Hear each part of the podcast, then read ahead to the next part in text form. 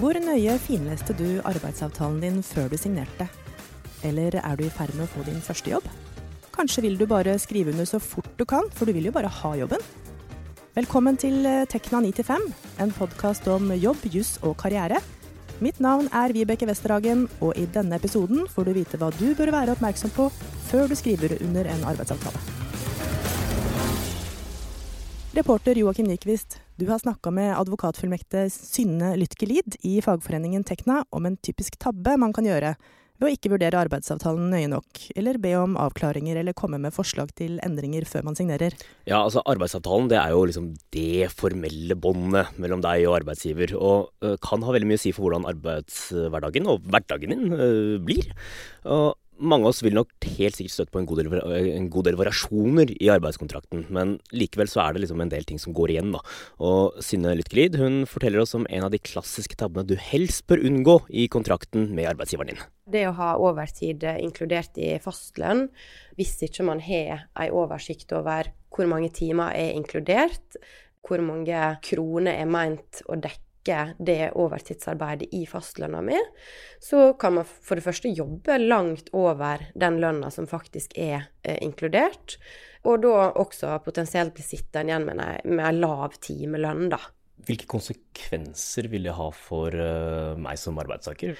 Nei, som sagt, altså, du kan jo risikere at du, du egentlig får ganske lav timelønn for de timene du har jobba, hvis ikke du har kontroll på hvor mange timer er inkludert.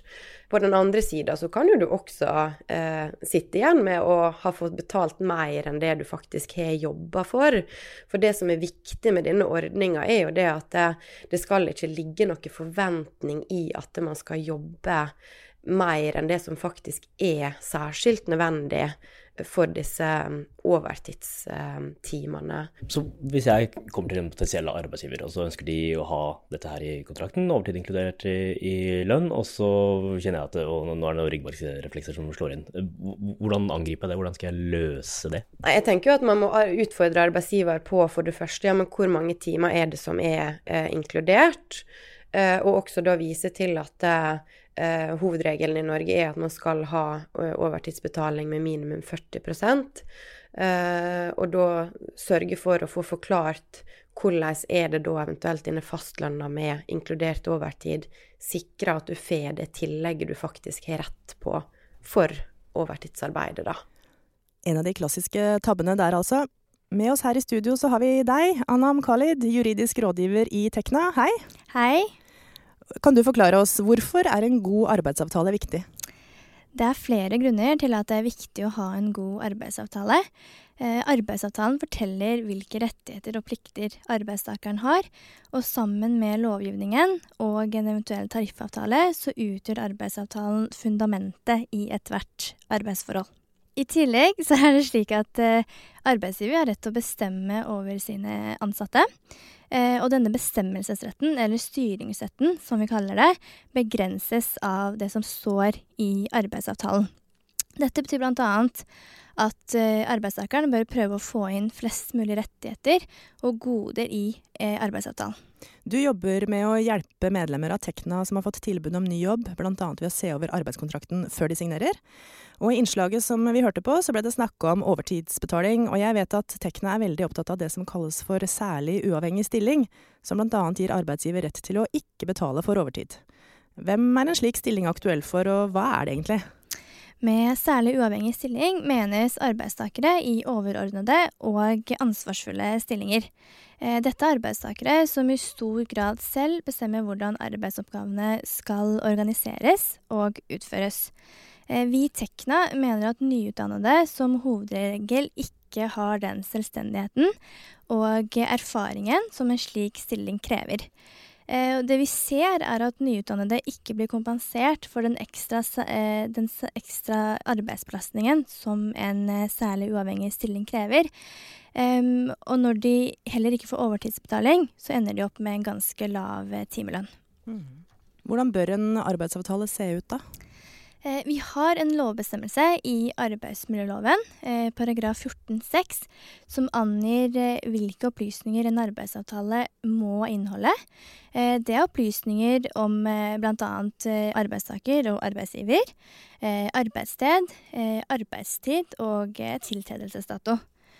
Um, I tillegg til disse minimumskravene, uh, så bør arbeidsavtalen inneholde andre ting som er av betydning for arbeidstakeren og uh, arbeidsforholdet. Har arbeidstakeren f.eks.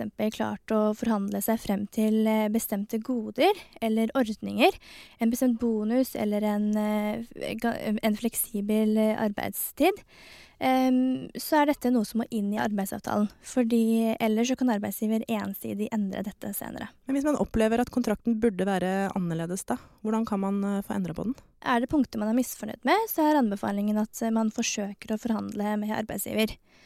Uh, før man gjør dette, så kan det være ganske lurt å rådføre seg med fagforeningen sin. Uh, ut ifra hva som er viktig for, enkelte, for, den enkelte personen, så kan vi med Kan vi kanskje se forhold som uh, personen ikke har tenkt på, uh, og som bør tas opp med arbeidsgiver. Um, når man har bestemt seg for hvilke forhold man vil forhandle om, så må man ta en prat med arbeidsgiver. og så vet jeg at mange syns det er ukomfortabelt å forhandle med arbeidsgiver, um, og det er forståelig.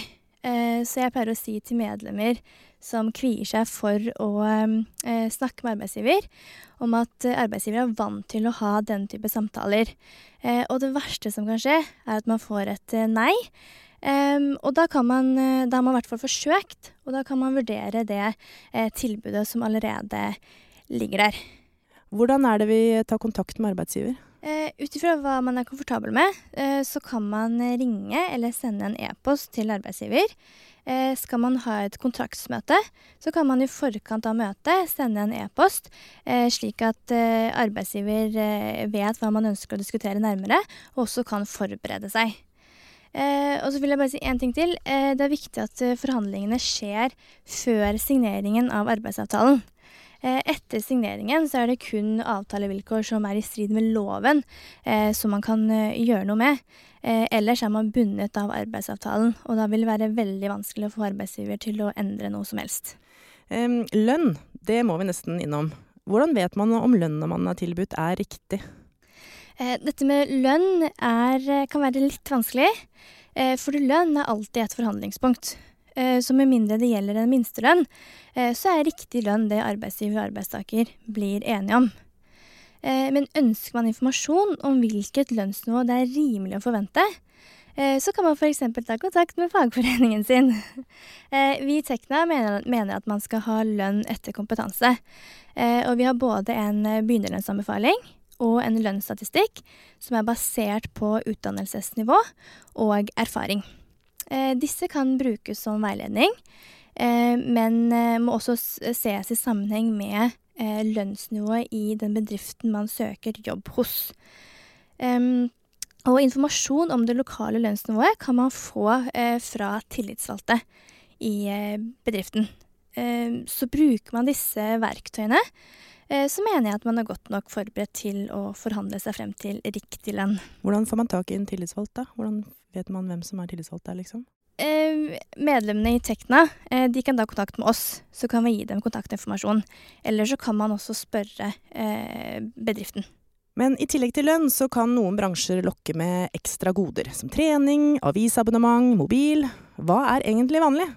Joakim, du ønska å finne ut av det. Ja, det gjorde jeg, og derfor stilte jeg meg opp i Oslos gater og spurte folk som gikk forbi om hvilke goder som kommer med jobben, og hvor viktige disse er i hverdagen.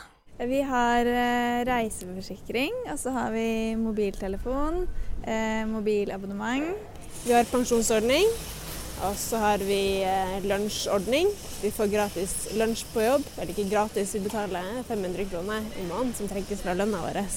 Jobben min har uh, turgrupper som arrangerer veldig mye, uh, som jeg er med på. Og så har vi det klassiske som er helseforsikring. Der fins brilleavtaler, de er forholdsvis dårlige. Og så er det mulighet for å leie elbil gratis uh, via jobben. Vi har mobil, mobilabonnement, reiseforsikring eh, og dekker egentlig alt vi trenger av arbeidsmateriell. Hvordan, hvordan påvirker det på en måte, trivselen eh, på jobb? Altså, det gjør det jo enklere. Altså, når, man, når man fikser sånne logistikk som mobilabonnement, mobiltelefoner, reiseforsikring, sånne ting, så, så er det positivt. For da slipper man å styre med det på fritiden. Men også selvfølgelig det økonomiske er jo hyggelig. Vi bruker jo telefonen veldig mye på jobb. Eh, så Derfor så er jeg veldig glad for at vi har mobiltelefonen inkludert og mobilabonnementet. Og at vi har en ganske bra datapakke, sånn at man kan bruke den mye til private ting også. Når det kommer til lunsj, så syns jeg det er kjempefint at vi kan ha lunsjordning på jobb der vi, har, vi fyller opp kjøleskapet eh, med de eh, matvarene som de på jobben har lyst på, og så lager vi maten sammen. Vi slipper å gå ut og kjøpe lunsj. Vi har ikke noen kantine som tar ekstra betalt for den jobben de gjør. Så vi betaler bare for maten, som er en kjempefin ordning. Og så får du den der lille pausen hvor du får treffe alle sammen. Rent hypotetisk, da, dersom du skulle sett deg om etter en ny jobb i dag, ville disse ekstragodene vært aktuelt å måte, se etter? Ja, det ville jeg. Det ville absolutt. Hvis det sto mellom flere arbeidsplasser hvor det var, virka som det var tilsvarende gode steder å jobbe, så ville det absolutt vært en ting som jeg hadde sett på. Da jeg fikk meg min første faste jobb, så så jeg ikke så mye på de tingene. Jeg syns ikke at det virka som så viktig å sette seg inn i. Da så jeg bare på inntekt, egentlig, for å være helt ærlig. Eh, og nå ser jeg større viktighet av det etter å ha vært i arbeidsmarkedet en liten stund. Jeg ser at eh, det man akkumulerer av opptjente pensjonspenger og rettigheter, det vil ha en stor innvirkning på hvordan mitt liv vil være som gammel. Eh, det er en del ting som kommer foran i prioriteringene, men så er det jo også sånn litt avhengig av hva slags goder. Men det, det blir jo et slags krydder som kan vippe riktig vei, da. Det viktigste for meg er stilling og trivsel på jobben. er de klart viktigste. Og da syns jeg kanskje noen av godene som eh, kanskje kan se til sånn som en turgruppe kan være med og hjelpe til med å bli kjent med andre folk innenfor jobben, da teller inn ganske sterkt på det. Og så ville jeg satt lønn som en nummer tre, egentlig. Eh, for i hvert fall for meg da, så er det viktigere å ha det bra i hverdagen enn det har å bli betalt veldig mye. Eh, det er ganske kjipt å ha god betaling, men ikke ha det gøy på jobb. Anam, her hører vi at folk har litt av hvert av ekstragoder. Du var litt inne på det i stad, men altså, hvordan kan man forhandle på goder i en kontrakt? Og er disse eksemplene som vi hører, er noe man kan forhandle om? Ja, absolutt. Man kan forhandle om eh, alt. Um, men det man må huske på når det kommer til disse ekstragodene, er at de skal eh, vanligvis gjelde for alle i bedriften. Eh, og arbeidsgiver har kanskje tatt en beslutning på hva de skal tilby. Eh, og da kan det være vanskelig å forhandle seg frem til eh, andre goder i tillegg til disse. Og så er det slik at eh, det er vanlig at disse ekstragodene tas inn i personalhåndboka istedenfor arbeidsavtalen. Og det er fordi arbeidsgiver ønsker en viss fleksibilitet når det kommer til disse godene. For til forskjell for arbeidsavtalen så kan person personalhåndboken endres av arbeidsgiver når som helst. Er det lett å bli blenda liksom, av treningstimer og fri mobil? Hvor mye er det egentlig verdt sammenligna med lønn, mener du? Jeg mener at man ikke kan sammenligne lønn eh, med disse godene. Eh, lønn er selvfølgelig det viktigste, eh, og alle andre goder som man får, bør man kanskje se på som en bonus. Eh, så er det slik at hvilken verdi det enkelte gode har, eh, vil variere fra person til person. Så den vurderingen blir eh, helt individuell. Men lønn er jo ikke alt, som vi hørte tidligere her. De aller fleste er jo interessert i spennende oppgaver, faglig utvikling og også et godt arbeidsmiljø med trivelige og dedikerte kolleger. Har du noen tips til hvordan man finner ut av hvordan arbeidsmiljøet er der man har lyst til å søke jobb? Ja, det er eh, mye man kan gjøre. Eh, det enkleste er kanskje å forhøre seg med venner og bekjente som enten jobber eller har jobbet i bedriften. Eh, så man bør bruke nettverket sitt jeg husker at før jeg begynte å jobbe i Tekna, eh, så hadde jeg forhørt meg med en bekjent som hadde en venn eh, som, jobbet i Tekna, og det var eh, ganske nyttig. ellers så kan man jo stille arbeidsgiver spørsmål på intervjuet, eller snakke med tillitsvalgte i bedriften. vi i Tekna har jo mange tillitsvalgte på, rundt om på ulike arbeidsplasser. og ønsker man det, så kan man ha en fortrolig samtale med disse om arbeidsmiljøet. Smart. Mange unge bytter jobb ofte. Men hva skjer når du har lyst på ny jobb, men arbeidskontrakten din gjør det nesten umulig å flytte på seg? Det kan advokat i Tekna, Arve Våle Hallberg, fortelle mer om. Et eksempel på en tabbe er å påføre seg begrensninger i kontrakten som gjør at man ikke kan gjøre hva man vil etter at man slutter. Det være seg konkurransebegrensninger, at man ikke kan begynne som konkurrent. Og det andre er at man må overføre rettigheter til oppfinnelser åndsverk til den gamle arbeidsgiveren, selv om disse da har kommet frem etter at man sluttet. Og eh, det siste, eh, det vil jo føre til en begrensning i eh, den frie yrkesvalget. Ettersom det kan hindre at den nye arbeidsgiveren vil kunne være berettiget til de resultatene du frembringer der. Hva slags type yrker ser dere, ser dere at dette her er en, reell, en gjengående problemstilling? Ja, Det vil være seg en som jobber med softwareutvikling. da. Vi ser stadig vekk eksempler på at globale foretak eh, som er så store at nær sagt hva du gjør som softwareutvikler hvor som helst i verden, vil antageligvis tangere eller gå over i deres interesseområder. Og Derfor så vil det du gjør hos den nye arbeidsgiveren som softwareutvikler, hvis du fortsetter den, eh, med det arbeidet, lett kunne falle innenfor ordlyden i avtalen om at den gamle arbeidsgiveren skal kunne overta resultatene til arbeidet i det nye arbeidsforholdet. Det er urimelig. Hvilke konsekvenser vil dette ha for deg som arbeidstaker? Ja, hvis du er en slik softwareutvikler, da, eh, og eh, indirekte da, fordi gamle arbeidsgiver skal kunne overta rettighetene til det du lager det neste året, eh, så vil jo det føre til at du ikke kan kalle det selge arbeidskraften din til en annen arbeidsgiver. Og du kan heller ikke starte for deg selv, for den omstendigheten vil normalt også være omfattet av avtalevilkårene. Ja, så må du vente et år og være ute av softwareutvikling, i hvert fall på kommersielt nivå, i et år. Og hvor god du er som softwareutvikler etter et år i en bransje som utvikler seg fort, det er jo et spørsmål. Og det kan jo da få i hvert fall fatale eh, virkninger for din karriere. At du må rett og slett enten lese deg opp på nytt, eller endre kursen i din faglige orientering. Man kan rett og slett havne litt bakpå? Rett og slett bakpå. Hvordan løser man dette? Hvordan unngår, unngår man det? Ja, Først og fremst ikke akseptere uten videre arbeidsavtaler med et slikt innhold. Kom til Teknas jurister og få råd til hvordan du kan forholde deg konkret før du vurderer å signere på slike vilkår. Og en løsning eh, som man kan bruke, det er jo å sette inn noen vilkår for at kunne, den gamle arbeidsgiveren skal kunne overta rettigheter i ettertid. Og det må være at eh, oppfinnelsen eller opp, opphavsrettighetene må, må, være, må, være, et direkte resultat av de tingene du jobbet med i det gamle arbeidsforholdet. Altså ikke at det bare hadde en sammenheng med noe av det, du, noe av det denne virksomheten drev med den gangen, men det må være en tilknytning mellom ditt arbeidsforhold og det du, frem, det du har kommet frem til.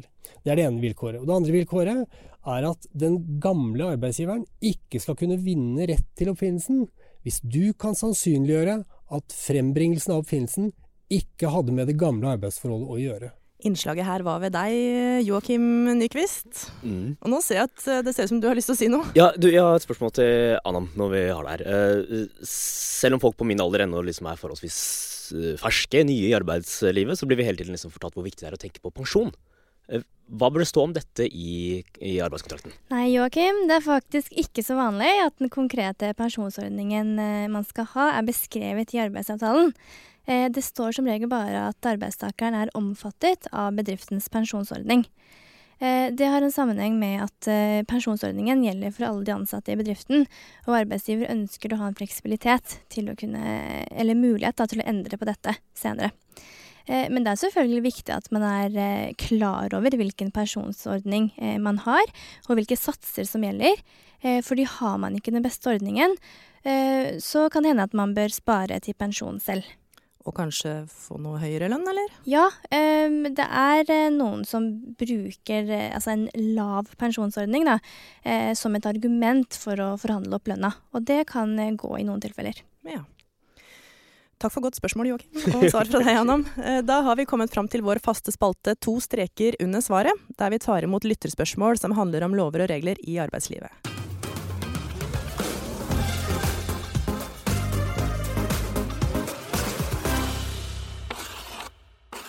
Og dagens lyttespørsmål er kort og godt. Kan sjefen min bestemme når jeg skal ha ferie? Ja. Ja. Det er arbeidsgiver som fastsetter tidspunktet for ferien, eh, men dette må skje i samsvar med reglene i ferieloven. Og der har man eh, bl.a. regler om at eh, arbeidsgiver har plikt til å diskutere plasseringen av ferien med den enkelte arbeidstakeren. Og i tillegg så kan arbeidstakeren kreve tre ukers sammenhengende ferie i hovedferieperioden, som er fra 1.6 til 30.9. Eh, men kommer man ikke til enighet, så er det arbeidsgiver som bestemmer. Det var to streker under svaret. Helt til sist, Anna. Kan du liste opp de tre viktigste tingene man bør være oppmerksom på når man skal skrive under på sin første jobbkontrakt? Eh, ja, det er mye som er viktig, eh, men hvis jeg må velge, så vil jeg for det første si at det er viktig at man sjekker eh, at arbeidsavtalen inneholder en beskrivelse av hvilke arbeidsoppgaver man skal ha. De fleste arbeidsavtalene jeg ser gjennom, er dårlige på dette punktet. Og de verste er nok arbeidsavtaler som gjelder trainee-stillinger, hvor man bare ansettes i selskapet som sådan. Så jo mer detaljert arbeidsbeskrivelsen er, desto bedre er det, for desto vanskeligere vil det være for arbeidsgiver å endre arbeidsoppgavene senere. For det andre så er det viktig at man som nyutdanna har en fast arbeidstid og ikke en særlig uavhengig stilling. For det tredje så er lønn viktig. Eh, og hvis jeg bare kan ta med en siste ting, eh, så er det pensjon. Eh, for mange så er pensjon innskuddsbasert, eh, og har man en lav innskuddssats, så kan det få store konsekvenser på sikt. Eh, har man en litt lav lønn og en god pensjonsordning, så kan det gå bra. Men har man både en grei lønn og en litt dårligere pensjonsordning, så bør man ha et bevisst forhold til det. Så sjekk hvilken pensjonsordning som gjelder for deg. Takk for at du stilte opp her hos oss, Anam Khalid.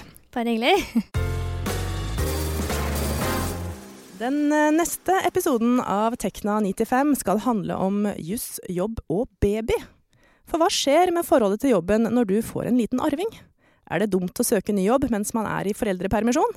Og hvor mye er det egentlig forventa at du skal jobbe når du er hjemme med sykt barn? Har du spørsmål du vil stille, eller har innspill til temaer du synes vi bør ta opp? Send en e-post til podkast.krøllalfa.tekna.no. Takk for at du hørte på. 9-5 er en podkast utviklet av et stort knippe mennesker i Tekna fagforeningen for deg med master i naturvitenskap, realfag og teknologi, i samarbeid med Newslab. Du kan lese mer om oss på tekna.no.